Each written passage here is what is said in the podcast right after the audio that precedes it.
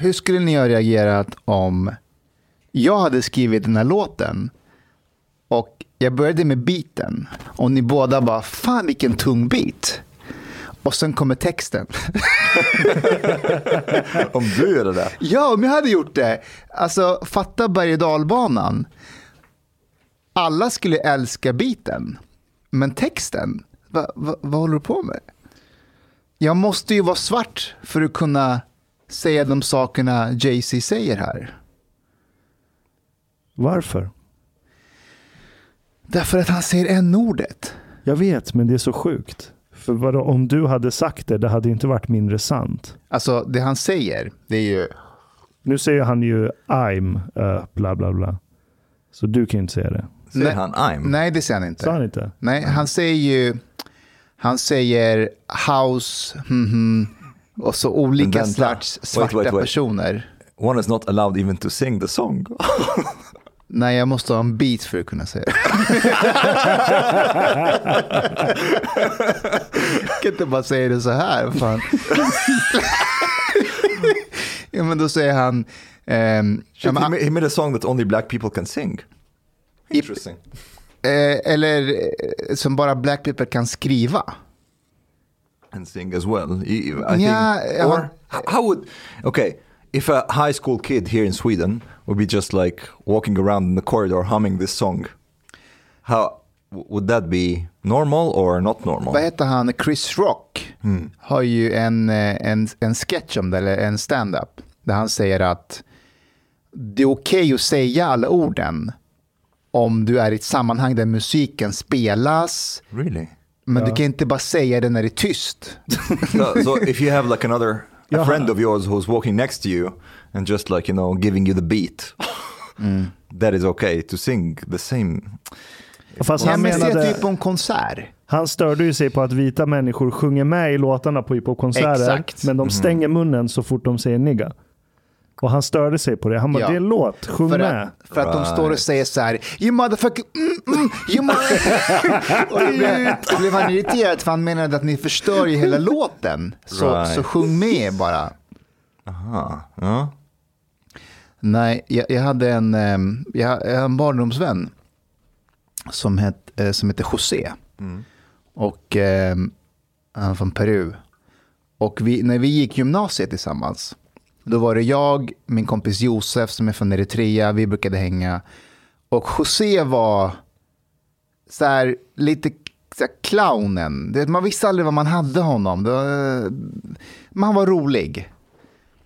Och så var det en dag vi hade, eh, vi hade mattelektion. Och ni vet när man har mattelektion i skolan, det är ju inte lika strukturerat och organiserat som historielektionerna och kemilektionerna. Därför att i matte så sitter man och räknar i boken själv. Just det. Alltså läraren går igenom någonting på tavlan, men annars så sitter alla och räknar själv. Och alla kan ju ligga på olika platser i boken, matteboken. Vissa är duktiga på att räkna, de ligger i typ mitten av boken. Andra är dåliga och de ligger i början. Men hur som helst, så alla sitter var för sig. Det är, eh, alla är inte samma mode, alla är olika. Så, och det är okej också att vara lite, eh, att det ska vara lite ostrukturerat. Så den här lektionen, då sitter José i ett hörn för sig själv. Och jag och Josef ser honom och han sitter med hörlurar på. Och det här var också okej. Så länge du sitter och räknar så får du lyssna på musik med hörlurar. Så var det på vår skola, eller klass. Så José sitter i ett hörn, har på sig hörlurar, på sig jacka. Han räknar inte i och för sig. Han sitter och du vet gör så hiphop moves och eh, rappar för sig själv fast väldigt tyst. Och så jag och Josef går fram till honom. Och så säger vi så här, José. Och vi ser att han ser oss, men han hör inte oss för att han har så högt musik. Så, så fortsätter han göra så här moves, så hiphop moves. Vi bara, José! Han svarar inte, han fortsätter göra movesen. Till slut vi bara, José! Och då säger han, niggas wanna fuck my wife. För han väntade på den, på den biten i låten. och det här är någon DMX-låt som gick. Och jag och Josef, vi bara dör av garv. Över att han säger det. Ehm, nej, det var den. Jag kommer ihåg i Kista när vi lyssnade på sån här musik. Det var helt okej att säga nigga. Om de sa nigga i låten. Det var, det, det var så här blonda etniskt svenska kids som också lyssnade på hiphop, gick runt med Wu-Tang Clan-jackor och man sjöng med. Det var inte weird alls. Det var helt okej. Uh, I think in Egypt it's like it's even weirder because there you say the word nigga if you are progressive because the other word that is like used for black people is a much more Är, det- är det ja precis. Zingi or sometimes abd. Uh, uh, som till slave. So this is like so if, if you're like if you get to the nigga level that means that you are now like you know tolerant. yeah You're tolerant person. You're part of the uh, like the the um, yeah progressive movement. Now you're using the same word that is being used by them in the in the US so if you come to the person from Egypt and be like no no no that word is wrong and be like should I go back to Zingi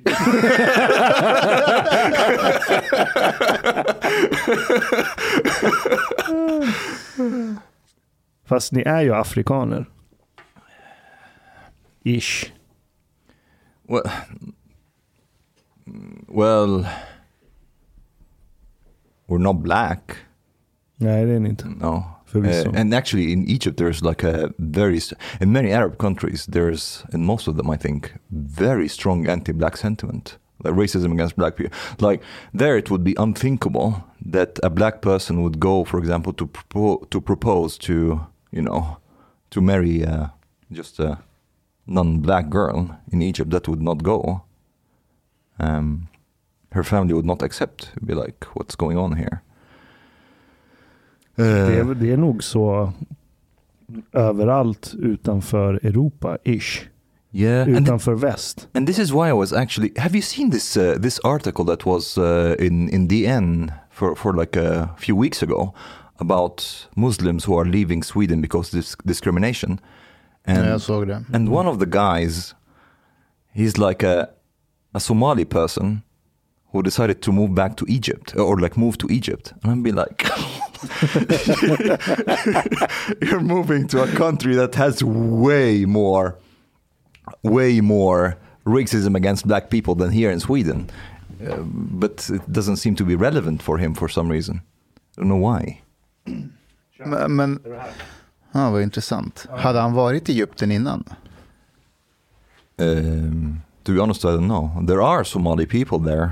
Um, um, ones who work basically and just to, but mostly they don't have their families with them.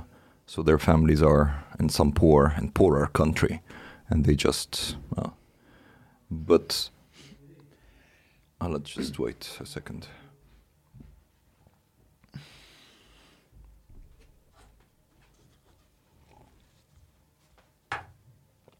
And Hanif. Mm. So uh, in this article actually was a was a bit strange because I understand and and also at the same time I'm I'm provoked by it somewhat because basically the article was about Muslim families who are leaving Sweden because they feel that they're not welcome. Um, and and they they followed like one family uh, that moved to Jordan, and the wife, the mother, she's um, she's a Swede convert. She's a convert to Islam, um, and basically that they they were feeling unwelcome and and so on, and they were saying that they don't they feel that you can only be in Sweden as Muslim light, um, which or like to be welcomed by the society if you are Muslim light, and I actually kind of agree, but I don't necessarily think this is a bad thing, um, because well, just conservative Islam is not really something that Swedes are fond of, and it is what it is. Jag tror inte eh, svenskar är fond av någon sorts konservatism. Uh, är sant. Uh, any kind of conservative uh, religiosity they're not fond of. But actually, DN had like a uh, enkätundersökning at, at some point, and uh, it was more than 50% of Swedes who have a negative view of Islam. Uh, like it, way more than uh, towards Christianity, for example, or Judaism. And some were like undecided, and it was a uh, just a minority that had a positive view of Islam. Och de ljuger. ja. Um, Men är det bara så i Sverige? Det det är väl No, I samma think- sak i I vilket think- europeiskt land som I helst? think so. I Förutom think typ so. Serbien och Bosnien och oh, sådana ställen. I think so. Probably. I don't Yeah. know. But probably is. Serbien skulle man ju, där är man väl också Ja, negativ. just det. Ja, bara Bosnien typ. Ja, Ser- Serbien, they want to kill Muslims. ja jag sa fel. Jag sa De fel. är, väl, Bosnien. är de ortodoxa, Serbien? Ja. Mm. Men vad, vad, vad, vad, vad är de väsentliga skillnaderna mellan ortodoxa och katoliker? ortodoxa är väl extremt hardcore old school. Men det är väl katoliker också? Ja, Fast de är ännu mer. I think they're probably a bit more. Cons- Actually, I, I don't know. Very Är det inte en skillnad mellan ortodoxa var mer på den här, eh, i Ryssland och så, så var det mer ortodoxa. Katolikerna var mer på västsidan. Att Är det är det mer skillnad mellan väst och öst i kristendom.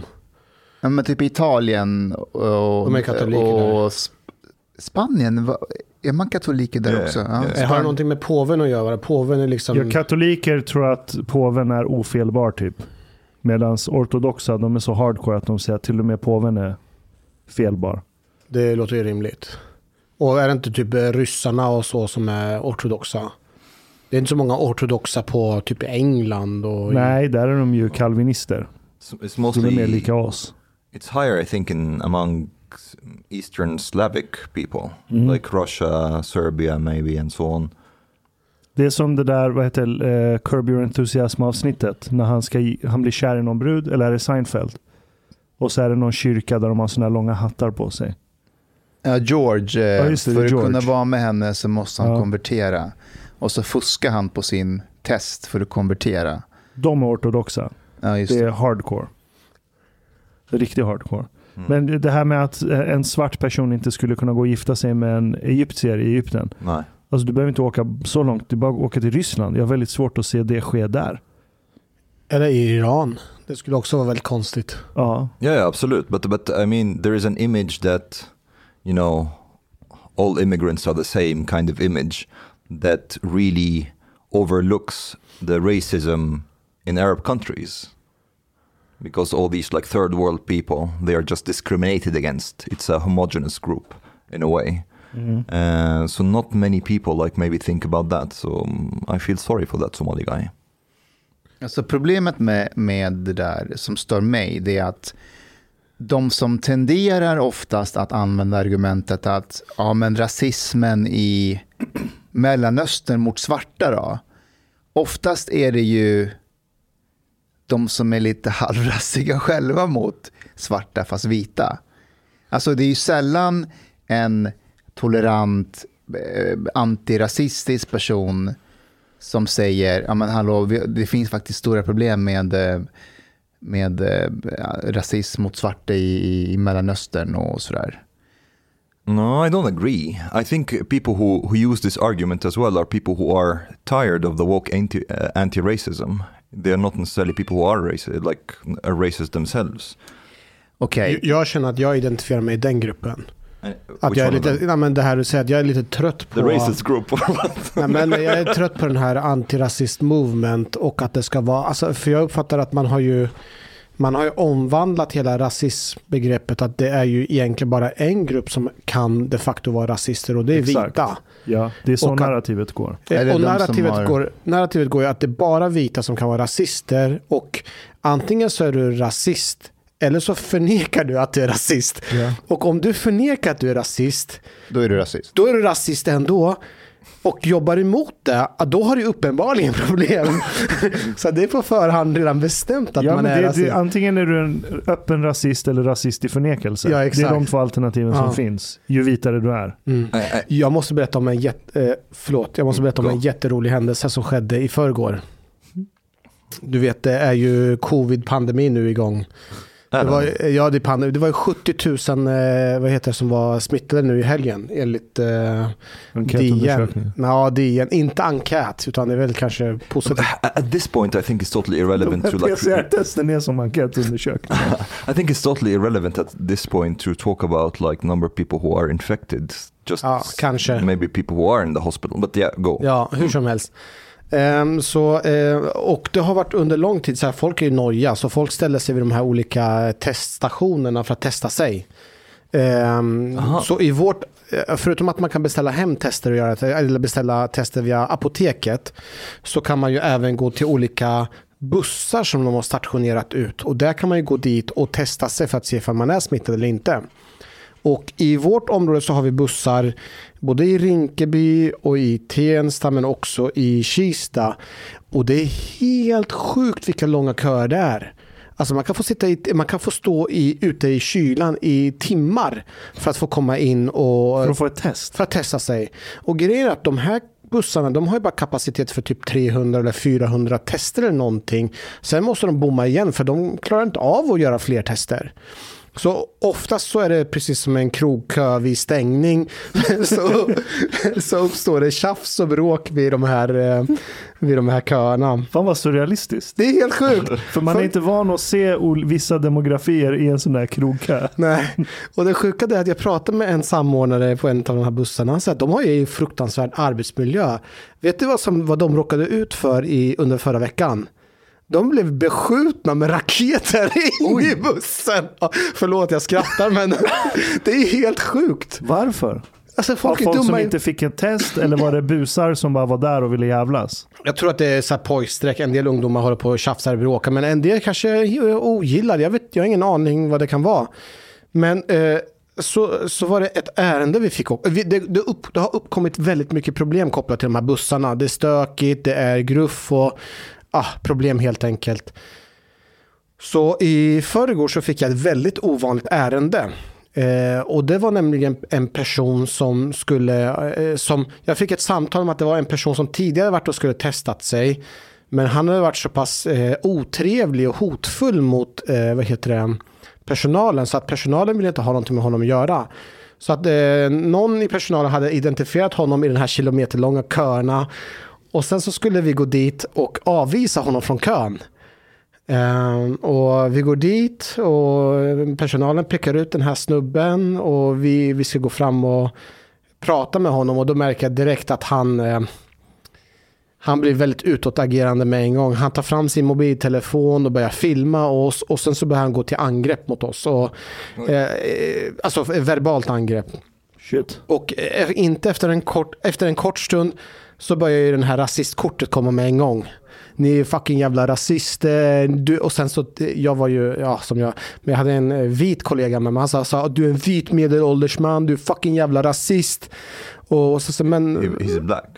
Han, var, han var utländsk tror jag, men vi såg ju inte det för att han hade munskydd och allting. Men man såg att han var lite mörk, mörkare drag och så. Och så, så började han anklaga mig för att vara rasist också. Och sen så började han prata om Black Lives Matter och allting. Och så, så började jag fråga, så, men vänta nu, eh, vadå rasist? Vi är ju alla, vad fan, vad är, vad är ditt problem? Så här, nej men jag är, så sa han så här, "Eh, nej men jag... eh, Vadå jag rasist? Vi är alla rasister. Nej men vi är alla vita så här. Så- Och så jag bara så, men, men vad, vad är din grej? Varför skulle vi vara rasist mot dig? Jo, för att eh, jag är gul. Kul. Gul. Jag sa, va? Är du gul? så jag sa, ja, jag är gul. Här, Gul. Var han asiat? Det, det var den så här, vadå gul? Nej, du är inte gul. Du är vit. Nej, jag är gul. Och så, så drar han ner sin ansiktsmask och så där ser jag att han har någon asiatisk påbrå. Då säger jag, men vänta, om du är gul, då är jag också gul. ja, men du är också gul. Jag bara, va? Är jag också gul? ja, du är gul. Och Nej, men nej, jag är inte gul. Jag är vit. Nej, du är gul. Jag är gul. Han är vit. men det sjuka som You're jag kom, no, I'm Aryan. Persian. men det jag kom att tänka på att vi var tvungna att avvisa honom och avlägsna honom från stället. Och då kommer en massa anklagelser. Hej, ni är dumma i huvudet, ni avlägsnar mig. Tänk om jag är riktigt sjuk på riktigt. Jag måste åka buss, jag kommer smitta massor med andra människor. Ni förvägrar mig att få göra tester. Och okay. så... I think I think in a way this is a guy that has not been ha- handled like cleverly enough. Because that guy it's, it's very easy actually to handle him. Since he's known to the personalen där every time he goes they give him a positive covid test. You have to quarantine yourself every time he sees him come come. Here's the test positive. Go home. Ja, fan, det var helt sjukt. Det är helt sjukt. Uh, a lot of people are still panicky about COVID and stuff, even though it's not that dangerous anymore. And and I'm like thinking that this does this have also to do because I think not in all countries there is the same kind of panic. I wonder if there's some kind of like the the more prosperous the country is, the higher the panic. You know what I mean? trygghetsfaktor. Uh, Folk är yes, trygga Yeah. och nu blir Um, de otrygga. because people in more prosperous countries like the more prosperous the society is the less comfortable with risk it is um, uh, generally speaking uh, and i wonder if they're they are like very protected you know overprotected in a way so they become a bit more anxious so i'm like, thinking like we, we got like really lucky with this pandemic but imagine if a pandemic that well, had like 10 20% mortality i think people would have panicked so much that they would just like have killed themselves just in anticipation of what's coming. men det would, like, they would ju. jump from the Men- balconies. Ja. Vi hade ju i början ett eh, ovanligt högt eh, suicidtal. Nej men det var ju det. okay, I shouldn't laugh, it's a bit funny. Nej men det är, alltså, det är inte konstigt. Du är äldre person, du är isolerad, du får inte träffa någon, du är för dig själv. Eh, Det är ju inte långsökt att man eh, blir deprimerad och inte vill leva längre. And then they were like, fuck you covid, I get out on my own terms. Ja, men jag åkte ju på några fall av eh, suicid förra året som man såg att det stack ut ovanligt mycket. Man kan inte säga direkt, det var inte så att de skrev på sina avskedsbrev att eh, jag tar livet av mig, fuck you covid. men det var uppenbart att det fanns en eh, koppling där. Så ja. Men det, det verkar som om det är mer och mer nu människor som börjar protestera mot de här sanktionerna. yeah, I think a Uh, lot of people don't don't think it's like uh, how to say reasonable that you would have both the vaccine and restrictions at the same time. Yeah. Because also COVID will be like okay here it, it made mo- much more sense when there was no vaccine still. Just you know. And we didn't know much about the virus, but now there is a vaccine, and like you know, the majority of people are vaccinated. So people are like, but why the restrictions? What was the point of us getting vaccinated in this case? You know. Um, Men om man tänker sig att det är väldigt många som blir sjuka. För det är väldigt många som är sjuka nu. Andelen personer som är sjuka och hemma är ju väldigt många. Men är inte det förkylningssäsong också nu? det är förkylning, det är flu, influensa. Men det är väl ändå generellt sett på det hela. ova- Alltså jag har ju flera gånger, flera av mina vänner har liksom ställt in grejer för att de är sjuka. Är det finns inte en ekonomisk aspekt då man tar det lite lugnt och tar det försiktigt så slipper man vara sjuk och vara i hemmet. Finns det ingen... Eh, Hur Menar du? Jag Nej, men att-. Nej men om det är så att vi vet att nu, nu är det liksom covid, den här omikron är ute Mm. och den drabbar ju väldigt många. Fast gör den det? Det är hög smittspridning. Alltså det är ju så att folk, ändå, folk kommer inte till jobbet. För på, mitt, på min arbetsplats är det fler som är sjuka i hemmet. De får inte komma till jobbet För att de har ett positivt test eller för för, att de är sjuka hemma. Okej. Och det blir ju så att det blir ju en problem för polisen att bemanna sina personal för att folk är sjuka hemma. Vi, ska, vi kan inte hålla på, om vi till exempel ska träna imorgon och fler blir smittade och är sjuka i hemmet, då tappar vi ännu mer personal som ska ut och jobba. Okej, hjälp mig. Låt oss backa tillbaka i tiden, säg fyra år. Fyra år. År 2018. Man vaknar en dag. Du vet, kanske lite snorig. Kanske känner lite tryck här bakom näsan. Lite snorig. Så här slemmig kanske. Men man mår bra, man har ork, man har ingen feber. Vad gjorde man då? Man gick till jobbet. Man gick till jobbet. Hela samhället bygger på att folk går till jobbet trots att de har en liten jävla snuva. Eller? Eller var ni sådana här töntar som stannar hemma för att ni har en liten snuva? No, no. Nej, inte snälla. no, man gick till man jobbet. But I, gick till I was the people who get upset. Uh, One of the people who got upset about people who come to work. Ja, det, det håller jag med om. Alltså att man kom och hade lite, var lite varm och hade snuva. Då var, Var det kollegor som blev irriterade? Du, alltså jag skulle inte ens kunna sätta min fot hemma i Norrköping. Jag skulle inte kunna träffa min familj om jag hade en liten eh, menar snor. du? Nu. Förut också. Förut också? Mina föräldrar är så här, eller min pappa är hypokondriker. Alltså så fort det är något, ha, app, app, app, app, du är inte välkommen. No, I, I think for, for me the, the line goes at cough and sneezing because like okay you're at the office and if you're just like sitting there sneezing and coughing and so on just stay at Som home. Chang Ja. i våra hälften av poddavsnitt de senaste tiden. Så man hör hur snoret bara rinner.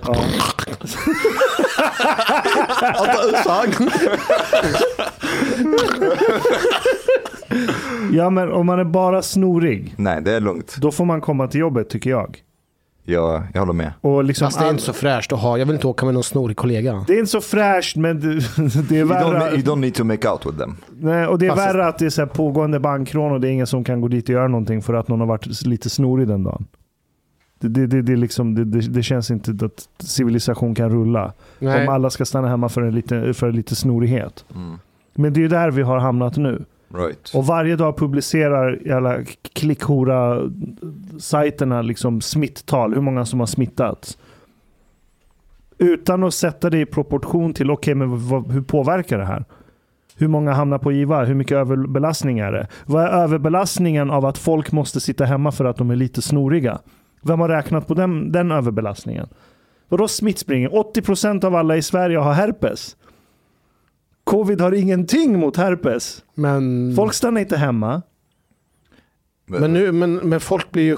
eh, Om folk Okay, I blir... agree with you on, on the like the premise, but at the same time, well, you don't pass herpes as easily as Nej, you pass COVID. men, men, men.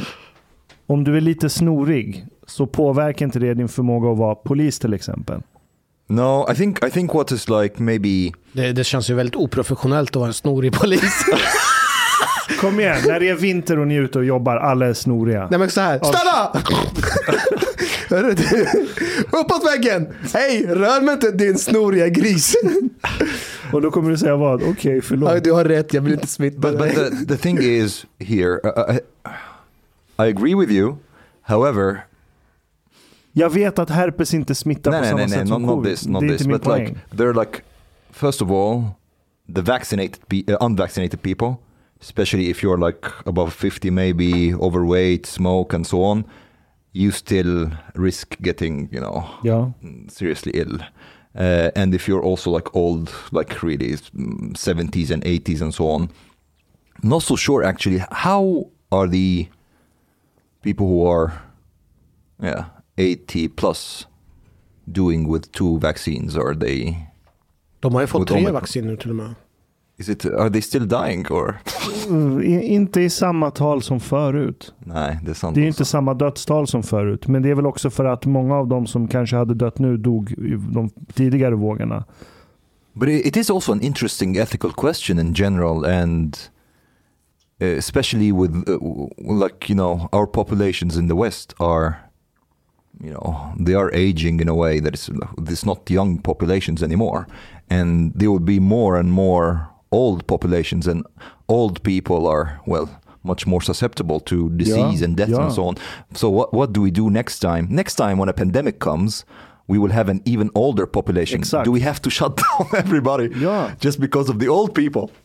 Alltså tänk när proportionen av äldre är så pass mycket högre att en vanlig influensavåg Exakt. So skulle because- ge typ liknande dödstal. Exact, because they they get Mm. also like really sick from flu. So if we have like a bad flu season and like a lot of old people, then everybody has to be home and shut down the society. Såg ni att eh, Djokovic väg, vägrar ju ta vaccin? Mm. Jag läste det. Och han var i Australien. Så de satte honom i någon slags karantän eller vad var det de gjorde? De skulle till och med utvisa honom. Han ville ha tennisbana på hotellet va, eller något sånt. Nej, men han hade inte tagit vaccinet, men de ville ju försöka kicka ut honom. De ville inte ens ha honom i landet. Men sen så lyckades han överklaga och fick igenom att han fick vara kvar. And then they wanted to deport him anyways. This is like a soap opera. The- Men nu är han hemma. Nu är han i Serbien igen. Ja, Mhm. they kicked him. Ja, men hade de inte honom i någon slags karantän, i tvångskarantän? Ja, de gör han det. fick vara på hotell eller någonting. Ja, ja. Ja, och. Ja. och hans föräldrar höll någon presskonferens och sa att det här var att han fick komma hem nu, att det var eh, den, den största segern i hans liv. Man bara, han var ju i lyxhotell i Australien. Men tror ni att, alltså Djokovic är ju inte vem som helst. Tror ni att när en, när en sån person går ut och bara, men jag vägrar vaccinera mig. Tror ni att va, vanligt folk som ändå har varit för vaccin och, och, och, restriktioner, till och med de börjar tänka så här, fan, ligger det någonting i det här? Är det, är det lite överdrivet allting? I, I Kanske? think um, one person who has even been more damaging, relatively speaking, Joe Rogan. He's the one who has been like, Damaging hur? Han har inte uttalat sig anti-vaxit. Han har inte Ja. sagt att vaccin är en konspiration eller 5G. well, he has at least uh, expressed skepticism against the vaccine. That much. He's not vaccinated himself. He's not vaccinated himself, for example. Men har inte han bjudit dit en massa forskare, läkare? Everybody who's like critical to the vaccine. Nej, han har också bjudit dit Sanjay Gupta. Alltså deras surgeon Ja, general. från Okej, CNN. okej, okej. Ja. Ah, okej. Han har haft vaccinexperter som är pro, jättepro-vaccin också. All right. But, faktiskt never haft. det. It- Sanjay Gupta var där för några veckor sedan. En månad sedan kanske. Nej, Nej. det var länge sedan. Eller? Det var, någon, må- det var Eh, innan jul. Ja, kanske det var. But, but the last two he had were kind of like skeptical, eller hur? Ja, men han hade den här Malone, va? Den här Dr. någonting Malone. Ja, eh, jag såg delar av den. Han är ju en riktig, han var ju med och tog fram Moderna, eller vad det var. Eller hur? Eh, alltså han, han säljer sig själv som the inventor of mRNA vaccines. mRNA, exakt. Men alltså, Är han? Det, det är typ 70 olika vetenskapliga publikationer som tillsammans gör grunden för mRNA-vaccin. Han har varit med och författat två av dem. Så att han ska vara the inventor, det är lite överdrivet. Men ja, han har bidragit till att mRNA-vaccin funkar. Mm. Och alltså, jag, vet, inte, jag lyssnade på hela det avsnittet. Jag, it? jag tycker inte han är dum i huvudet eller någon crazy person. Joe or the Nej, doctor? gästen. gästen. Aha, okay. Men det är lite röd flagga när han blåser upp sig själv som the inventor of mRNA vaccines. För att få mer cred än vad han kanske borde ha. I listened to just the beginning. I didn't like. Um, I didn't feel like continuing. Men man, han, han är en jävligt välciterad läkare. Det är Mm. han. Så det, det är ingen crackpot han har hittat på gatan. Det är det inte.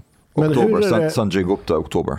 Hur är det här på hemmaplan? Har det blivit någon splittring kring eh, vaccin och restriktioner eller någonting? Eller är det fortfarande konsensus där alla tycker en och samma sak? Fan, jag har börjat se en ny splittring nu. Mm, Jag har börjat se en ny splittring nu efter senaste restriktionerna. just det. Jag ser, i alla fall om man kollar på Twitter, om det är någon liten så här indikation. Så här röster som traditionellt i 99 av 100 fall skulle hållit sig till lyssna på experterna-linjen, lyssna på Frans. regeringen. Emma Frans till Ja. exempel. I was Eh, surprised. Mm. Mm. Där folk börjar höja rösten nu. Ungdomsförbunderna, Moderaterna, Liberalerna, KD. På ungdomsförbunden har ju... Ja men kom igen, alltså folk är ju inte dumma i huvudet. Du behöver inte vara vaccinforskare för att se att okej, belastningen på IVA är inte i närheten av vad den har varit under de andra pikarna. Fastän smittspridningen är brutal. Right. Smittspridningen är helt sjuk, i alla fall så som vi mäter den idag. Men ändå, alltså, antalet på IVA har sjunkit med 15 pers senaste veckan bara. Så det är inte ens i närheten av hur det var förut. Och så ser de det, att okej, an, andel folk på IVA sjunker, smittspridningen är brutal. Men ändå så fortsätter de här tidningarna bara posta smittspridningssiffror. Och det är enda man som inte förbjuda dem? förbjuder tidningarna. Ja, att sprida smittoantal och dödsfall. I just got reminded of Louis CK in the latest special. Everyone you find with COVID, just kill them. Kill the people. vi också.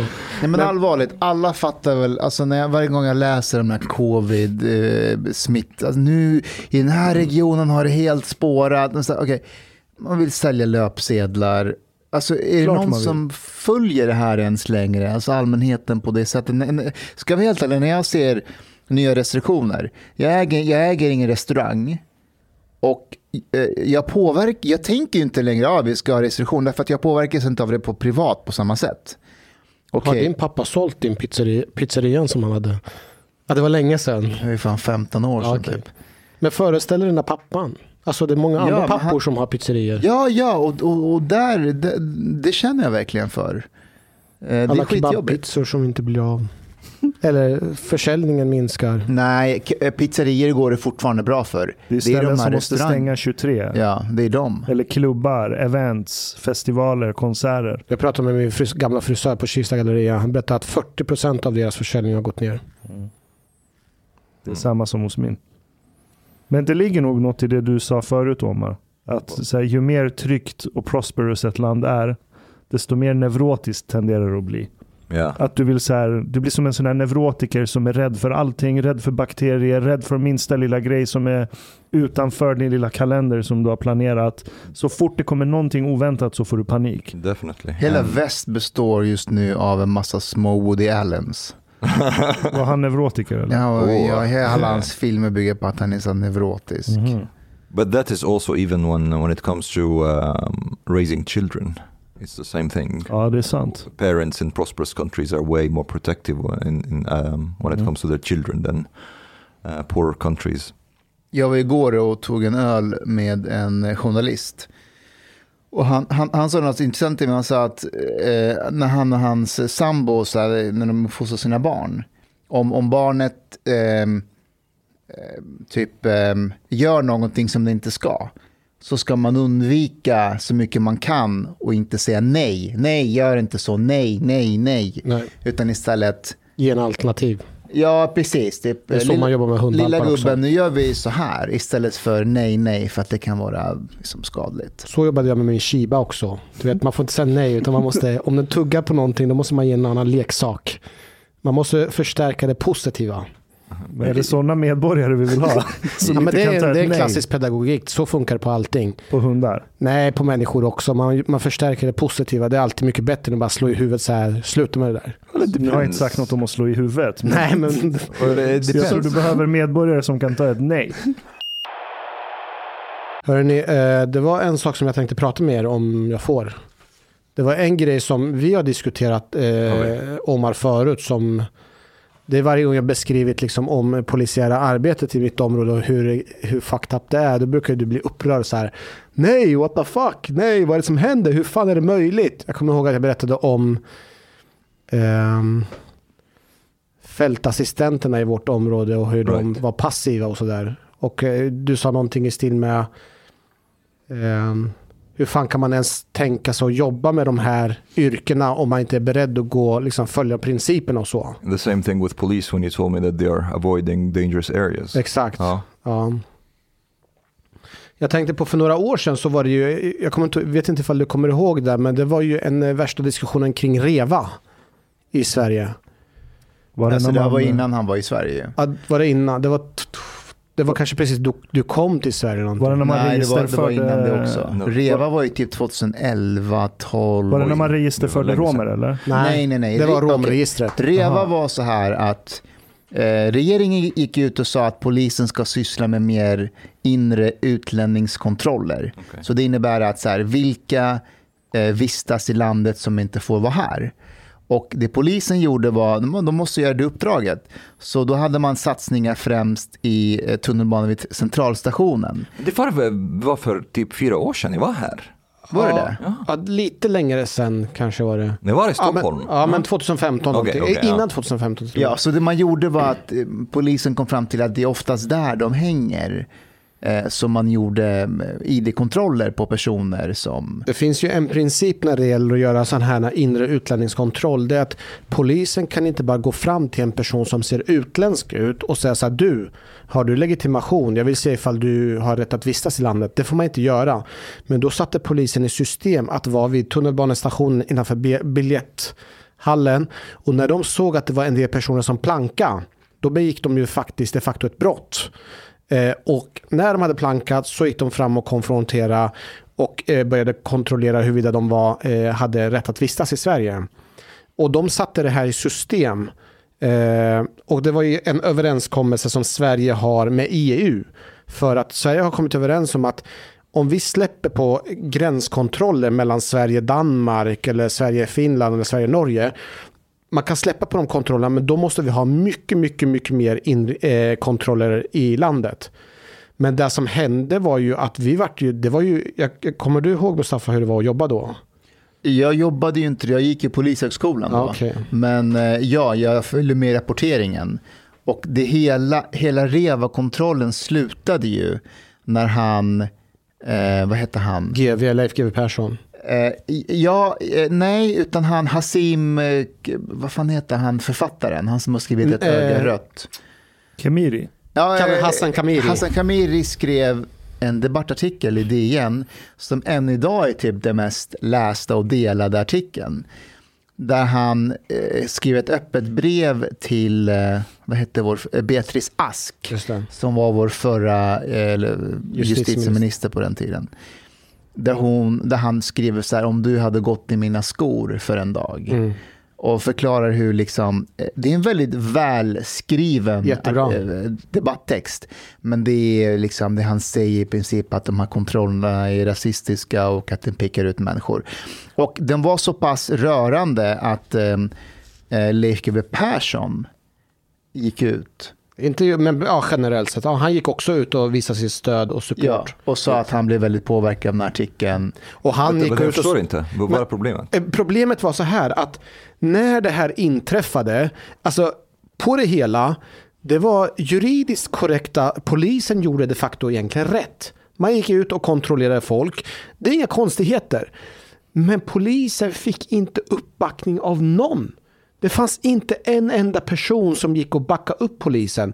Från regeringens sida så var det Beatrice Ask som försökte stå där och säga men hallå, vi följer bara de direktiv som vi har mot EU och sådär. Men hon fick, hon fick nästan backa tillbaka. Alltså, vi fick, alltså man fick ju skämmas, man fick ju gå med hundhu, med, liksom med svansen mellan benen. Även ute i arbetet när jag jobbade så blev jag ifrågasatt gång på gång när man skulle eh, typ kontrollera ID på en misstänkt. Vad har du för rättigheter kring att kontrollera min ID? Jag tänker inte visa upp mitt ID-kort. Det gjorde så att det, vårt arbete var ju mycket, mycket, mycket svårare i det här skedet. Och det jag vill komma fram till att kopplat till det här andra som vi pratar om, det kanske är lite långsökt just nu, men polisens arbete kan inte ske i ett vakuum där ute i vårt område. Vi måste ha uppbackning från politiker och från allmänheten när vi ska genomföra olika åtgärder. Om inte vi får uppbackning av allmänheten och politiker så kommer vårt jobb bli skitsvårt. I, i verkligheten så kommer vi möta på liksom problem gång på gång på gång där ute. Och när inte vi har, eh, och när inte vi får uppbackning, när inte politikerna backar upp oss och sådär, då kommer sällan polischeferna gå ut och säga ni ska fortsätta med ert arbete ändå, utan man, man försöker sköta det på saker och ting på ett pragmatiskt sätt. Jag skulle säga till stor del även problematiken i förorten med som den här gängkonflikten som vi har. Det hade inte uppstått på samma sätt om polisen hade gått hårt mot hårt från första början. När det var upplopp, när det var kravall i vårt område så handlade det hela tiden om att stryka medhårs och försöka släcka bränderna. Mm. Vänta, var det ett juridiskt mandat som hindrade er från att göra det eller var det att ni var rädda för PR-konsekvenserna av det? Jag, jag skulle säga så här, bara att man vet att man inte har allmänheten eller att man inte har politiker, att inte det finns någon som backar upp en, så kommer man inte själv vilja stå där på barrikaden och försöka liksom kämpa mot eh, alla de problem vi har. Men då har ju Åman rätt i sin kritik. Om du är polis, då ska du göra det polisen bedömer är en korrekt respons utifrån den situation som uppstår. Det- Och totalt skita i vad tidningen eller vad PR kommer säga om det. Ja, Man vad ska, den göra? så. Och det, det är liksom, det, på idéstadiet så är det helt rätt. Men i praktiken så blir det väldigt, väldigt svårt för oss att jobba. Uh, but but uh, okay, here. I, I think generally speaking, people who go into police work should be, you know, just really the toughest of the people we have in society, and they should just like you know, do their job, try to like face the dangers that exist in society and so on, regardless of what will be said. They, they need to be like basically have really hard skin. And as long as you would not risk punishment, legal punishment, or that you would be fired from your job, then you should just like turn a blind eye to this. Och, och jag menar på att de flesta poliser är ute och gör det. Men det är bara det att om du är så ideologiskt motiverad som polis och bara kör så att du får säga att det här är rätt, det här är fel, det här ska gå till på det här sättet. Du kör på det här sättet så kommer du på ett indirekt sätt bli straffad, inte av dina kollegor, men av högre chefer. För att, hög, för att, för att den eh, situationen som har uppstått, vi har inte kapacitet nog att kunna följa den, den, juridisk, alltså den juridiskt rätta sättet, utan vi måste hela tiden vara pragmatiska i vårt arbete. Och det är där Hanif får rätt, för att, för att om ni säger så här, eh, polisen ska skita i tidningar och, och, och så här, ja, men då tänker ni polisen som organisation. Men det är ju inte så. Ni menar ju polisen på gatan. Du, du måste också ha din gruppchef bakom dig, polisledningen bakom dig eh, som går ut och säger Högsta så här, nej, nej, vänta, jag? vänta, jag måste rätta ut det här. Så du säger att kollegorna, det är inte de som kommer eh, bli skeptiska. Kollegorna nej. kommer backa upp det. Pol- Men cheferna, Ja, och kanske inte mellanchefen, inte gruppchefen, men på högre upp. de är högre upp Ledningen. cheferna. Ja. Är de själva poliser? De är poliser. De är poliser. Så men- man kan inte vara vilken nisse som helst och få en sån position? Nej, nej, du är Okej, poliser. Ja. Vem svarar de till?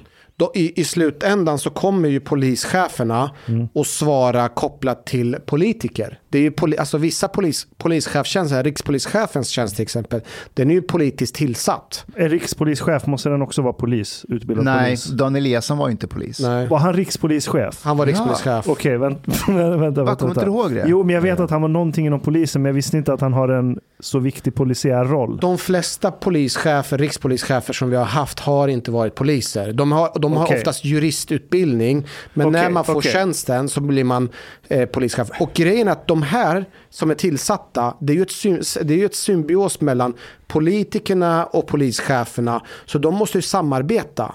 Och grejen är så här att de, det är svårt att kanske förklara, men i slutändan så är det så att vi påverkas hela tiden av beslut och besluten är kopplat till vad vi har för uppbackning, resurser och så vidare. Mhm. Och har inte vi uppbackning så kommer vi inte kunna genomföra. Okej, en till och, den här, fråga. och, vänta, och REVA-debatten var en sån klassisk grej. Vi hade aldrig fått en uppbackning från politikerna och det, det, var, det var så att polisen vart ju förlorade och fick dra tillbaka fast att de de facto gjorde rätt. Okay, but, but uh, there are many things to say about this. Men, men vänta, vad, var det du skulle säga? Så, när, när Jan, eh, Dan Eliasson till exempel eh, var rikspolischef. Mm. Varför skulle han inte vilja att polisen kör hårt mot hårt och gör det som krävs för att trycka tillbaka gängen? Public opinion. Så, Public opinion kan vara en sak. Resursfrågan. Ideologisk. Han är till själv exempel- ideologisk Ta, övertygad. ta det här exemplet. Om vi ska köra hårt mot hur hårt. kan man vara ideologiskt övertygad till att inte stoppa gängen från att ta fäste? Vilken ideologi är det? Ja, men snälla, då kan du säga samma sak till svenska kriminologer genom decennier. Som- Ja, men de är kriminologer, de läser på eh, universitet. Nu pratar vi om liksom Men vad är de kopplade till jobb. universiteten då? Universiteten är också kopplat lite grann till Jag politiken. vet, såklart jag vet det här. Jag vill bara få det sagt högt. Hur vidrig incitamentstrukturen här är. But, but also, Att du kan ha en ideologi som gör att nej men gängen ska inte tryckas tillbaka. but uh, I doubt that this is the case right now. Okay, he, here are two things. First, that was many years ago. Public opinion society in Sweden today is totally different. Yeah. They they want to fuck up the Yeah. criminals in Sweden. They don't want them anymore. Okay, so but the public opinion and the media a few years ago were in line. Now there is a bit of a discrepancy between public opinion and the media. So basically, I think the public opinion is now like really for Hodotag Yep. and, and so on. The media is still like DN, uh, you know, Aftonbladet and all these people. Nah, we're not there yet. We're getting there, but give us a few more years. Och, och, och, och, och där vi ser nu till exempel är ju också eh, the public opinion, det påverkas ju av vad politikerna tycker och tänker. Och det var ju inte så länge sedan som Morgan Johansson gick ut nu och sa till exempel att man skulle köra mycket hårdare, man skulle utvisa betydligt fler. Så att de, eh, politikerna följer ju också public opinion. Och när de gör det och skickar rätta signaler till eh, polisorganisationen, det är då polisorganisationen från cheferna kan kicka neråt så småningom så det kommer göra att vi kommer eh, tillföra olika typer av insatser och jobba mot vissa frågor. Så att eh, det jag försöker bara komma fram till att saker och ting hänger ihop. Man har en idé om ibland om att man tycker att vissa saker principiellt det borde vara på ett visst sätt, men verkligheten är mycket mer pragmatisk. Alltså jag, vet, måste jag, vet jag, har, jag vet inte om jag har någon diagnos, men jag tänker så här, om jag var rikspolischef och så kommer jag till de hö- högsta cheferna inom polisen då, som är under mig och säger okej, hur ser kurvorna ut för brottsutveckling inom olika kategorier? Okej, för respektive kategori, vad har ni gjort de senaste fem åren? Okej, och det har inte funkat. Okej, okay, varför ska vi göra någonting annorlunda? Kom tillbaka och rapportera om fem månader så kollar vi om siffrorna har gått upp eller ner. Så kommer de inte, så polischeferna kommer inte rapportera på det här sättet. För att eh, man kommer ju alltid, eh, så, så uppfattar jag, kan vara, kanske kan vara eh, väldigt så här, kanske vara eh, paranoid, men jag uppfattar att man försöker alltid rapportera saker och ting i en positiv, man försöker fram, eh, för, skriva saker och ting så att de är mycket bättre än vad de egentligen är. Vad är det för Sovjetfasoner? Dude, dude, Det, det- det, det är så vi har jobbat så, polisorganisation. gör även, så gjorde man i Afghanistankriget. Nej, men, Alltså, så- så, så gjorde man i. Irakkriget. Okej. Alltså att när Ska det vara här någon sorts pepp? Att vi gjorde så i Afghanistan nej, också? Nej, nej, nej, nej, jag menar amerikansk militär Jaha, gjorde så. aha, just När- det. De när- överrapporterade hur många afghanska när, soldater när, de har utbildat. När, när, politi- när amerikanska politiker kom till Afghanistan och Irak och frågade generalerna hur går det? Very good sir. We, we're about to win this war. Right. Om du är mellanchef, om du är en officer i USA eller mellanchef inom polisen och vill på något sätt komma vidare i din eh, chefsroll. Vilken väg tror du är mest troligt att du kommer gynna dig? Att säga att saker och ting ser åt helvete ut och gå ut och kritisera läs Peter Springare. Eller någon annan eh, gå ut och säga att ah, men saker och ting ser bra ut. Vi, vi har vissa utmaningar. Men på det hela har vi, ser allting mycket bättre ut. Det är Tjernobyl. Det är därför Tjernobyl fick härdsmälta.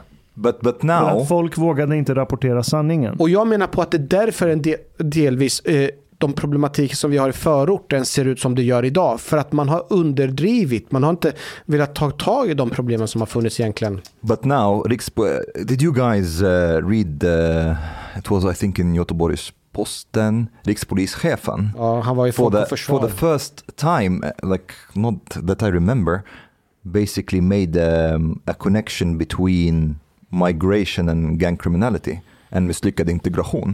So he's like, and he's like asking this. I didn't see somebody from the police openly saying that they want strängare straff. Uh, he, he wrote it in a debate article now, and uh, he, he he says that he wants more power to beslagta things and like you know strängare straff. And he said like you know ökad um, efterfrågan för uh, narkotika, uh, migration och integ- in, uh, misslyckad integration har bidragit till gängkriminalitet. Så Vänta, var det rikspolischefen som sa det här? rikspolischefen, Ja, Anders Thornberg? Ja! I Folk Så, och försvar. nu now- också. Rikspolischefen needs your support. Men han har ju polisens support. Poliserna på gatan har ju alltid tyckt så här. Kör! Och polisen kör, det måste få The fucking resurser. rikspolischef is telling you go bazooka! Och nu går, vet du vad, precis Go just nu, precis just i dagarna så ska ju vi inom våran polisorganisation eh, i, i Järva få en förstärkning. Vi ska få, vad jag har hört, uppåt 200 poliser som ska komma och täcka från hela landet. Från hela landet ska de komma och hjälp, jobba med oss fram till hösten. För då är det slut. då kommer allting vara bra. Ja, men då är det ju val. Nej, men kolla, så här är det ju. Så här är- ah. alltså, ing, alltså, allt det går i cykler. Vi har en jättebra nyhet fram till hösten. Alltså, ingen säger ju så här, vi kommer få förstärkning av 200 poliser för alltid. det Så det kommer ju komma inte. poliser från Norrland för att jobba i Jär- Järva. Medan, medan när talibanerna i Afghanistan, när de kom, de bara, vi är här för alltid. vi kommer inte lämna. Okej, inte, inte för att vara taskig eller så här, jag har all respekt för alla poliser, men vad ska en konstapel från Kiruna kunna göra i Rinkeby? Köra Ja, arga du leken. fnissar med så jag har en poäng. Vad sa du? Köra arga leken. Eller tysta leken. Men den här Kiruna-polisen, ah, fan, han kan vara ute på gatan och rapportera, eh, typ jobba precis som vilken annan polis som helst. In the places that are not dangerous. where the police does not go. Han kan komma till Solna. Men de kan komma, de kan vara ute och patrullera, de kan kontrollera bilar, de kan jobba med utredning. De kan Nej, förstärka... jag, jag tänker på de här videoklippen när det är poliser som är placerade i orter runt Stockholm. Och så står de där och försöker hålla någon sorts låtsasbarrikad när det kommer någon ortens snubbe med en tröja knuten runt magen och bara skriker värsta grejerna till polisen och ber polisen att flytta på sig. Mm. För att han blev kränkt av att det är en aspirant som står mitt emot honom. Och de typ lyssnar på det. Polisen väljer att lyssna på den här snubben. Och det är ändå poliser som är placerade i de här områdena. Wait, wait, Så was när- that the video of the guy who got like super upset? Ja, uh, exakt. and he's like, flytt härifrån. That- I was super fucking provoked by this by this video. What the fuck was that? Um, and and the, the weird thing also that I did not this this is something that it felt also weird that that policeman who was being attacked it did not feel that he has the backup of his colleagues. Nej, dels det, men de var ju, de, blir de like- numerärt underläge. But De vet om att de är numerärt underläge och den andra personen är polis. De vet att de skulle kunna ingripa och i bästa fall, fall vinna den striden. Men kommer de att vinna striden med alla andra som är runt omkring? Kommer man, kommer man hamna i ett underläge eller kommer man vinna varenda strid? okay, but but I, ha- I have like um, ah sorry. Och då, och då kommer, om, om vi får förstärkning från Kiruna-polisen och andra ställen så kommer sådana här situationer uppstå på betydligt, det kommer inte vara lika frekvent. För då har vi numerärt överläge, polisen är numerärt överläge. But, jag, uh, jag ber om ursäkt till alla poliser i Kiruna. Jag, vill, jag ville Okej. bara... De är förresten skitduktiga, de, är, ja, de jag, kan jag tvekar inte på But. I, I have, I have, um, just let me try to brainstorm this with you. If in the current situation, there are there is police that is like avoiding dangerous areas and dangerous situations, and they are underläge, and they are not able to like do their job against these criminals. And uh, let let's say, what is the image that the criminals and the people who live in these areas will will have of the police? When they are being humiliated and like totally helpless in front of these people. Isn't it better? I'm just like, you know, floating this idea out there. Isn't it better if like until the police is able to do their job to pull out totally from Urten to at least save face uh, because the, to stop being humiliated Men det är det until, de gör. until, Det är därför de get- patrullerar inte sitt eget område. until they mellan- get more forces and then go in. At least they preserve the image of the policeman. Det är sjukt att ni är oro, mer oroliga för PR från Aftonbladet än människorna ni är tänkta att liksom skydda där på plats. Men- kan man inte ha polis, jag vet inte hur, vad de här olika orden är, bataljoner? Men alltså att det är liksom det är 50 poliser som alltid rör sig tillsammans. Men det är det vi gör i vårt område. Vi har ju, i våran patrull när vi åker, i vanliga fall så är det 2 och 2. Poliserna jobbar i 2 och 2. Men i vårt område så är vi ju 4-4. Jag vill ha 50-50. Kan, kan Men då vi har vi inga 50-50? poliser. Men ni skulle ju få 200 i förstärkning ja, men till de kan höst. inte jobba alla 50 på, en pa, på ett pass liksom. I, I was just watching. de är ju uh, 200. Kan du Men de ska- ta 50 Två, de här 200 poliserna ska jobba under ett halvårs tid utspridda. Både dagtid, kvällstid, de ska jobba med utredningsarbete, de ska jobba med spaningsarbete, de ska jobba med Ja, okej. Var ska de bo någonstans? på hotell. Ska de? ja. Det är det som är så bra när man åker på kommendering för att man får jävligt många hotellnätter. Sen får man en massa med så här gratis hoteller sen. Vilket hotell? Eh, förut så har jag bott på eh, Scandic och eh, Clarion. Det är alltid Scandic. But uh, wait, the, Scandic är sämst. ja, det Clarion är faktiskt. mycket bättre. there is problem with recruiting police, right? This this reminded me of um, I'm watching this western 1883, which is a prequel to Yellowstone. It's actually pretty good. But anyways, so it's in 1883, uh, and there was this um, this town that's super violent, and s- some criminals in this town they shot up uh, some people in a camp. So some people from the camp came in and went into the went to the sheriff, and they know that the people are in that town, and the sheriff was like, "Huh, we will need more people." And then he looked at the, okay, you have a badge, you have a badge, you raise your hand, and he he, he raised he raised his hand like he's, he was going to take his oath, you know, take an oath to be a deputy or whatever. And he's just like throw a throw a badge at. It's like, now you're a deputy, you can shoot. Maybe you should do that with some some people here. Like uh, you know, uh, how, how long is polisutbildning? Två och ett halvt år. Make it six Men months kan for inte a while. du... Kan, Omar, six months for a while. Omar, Emergency situation. Omar, har du fått intensiv- medborgarskap? Nej. Va? Nej, när du inte. får medborgarskap, kan inte du söka? Det skulle vara så roligt att se Omar gå polisutbildningen.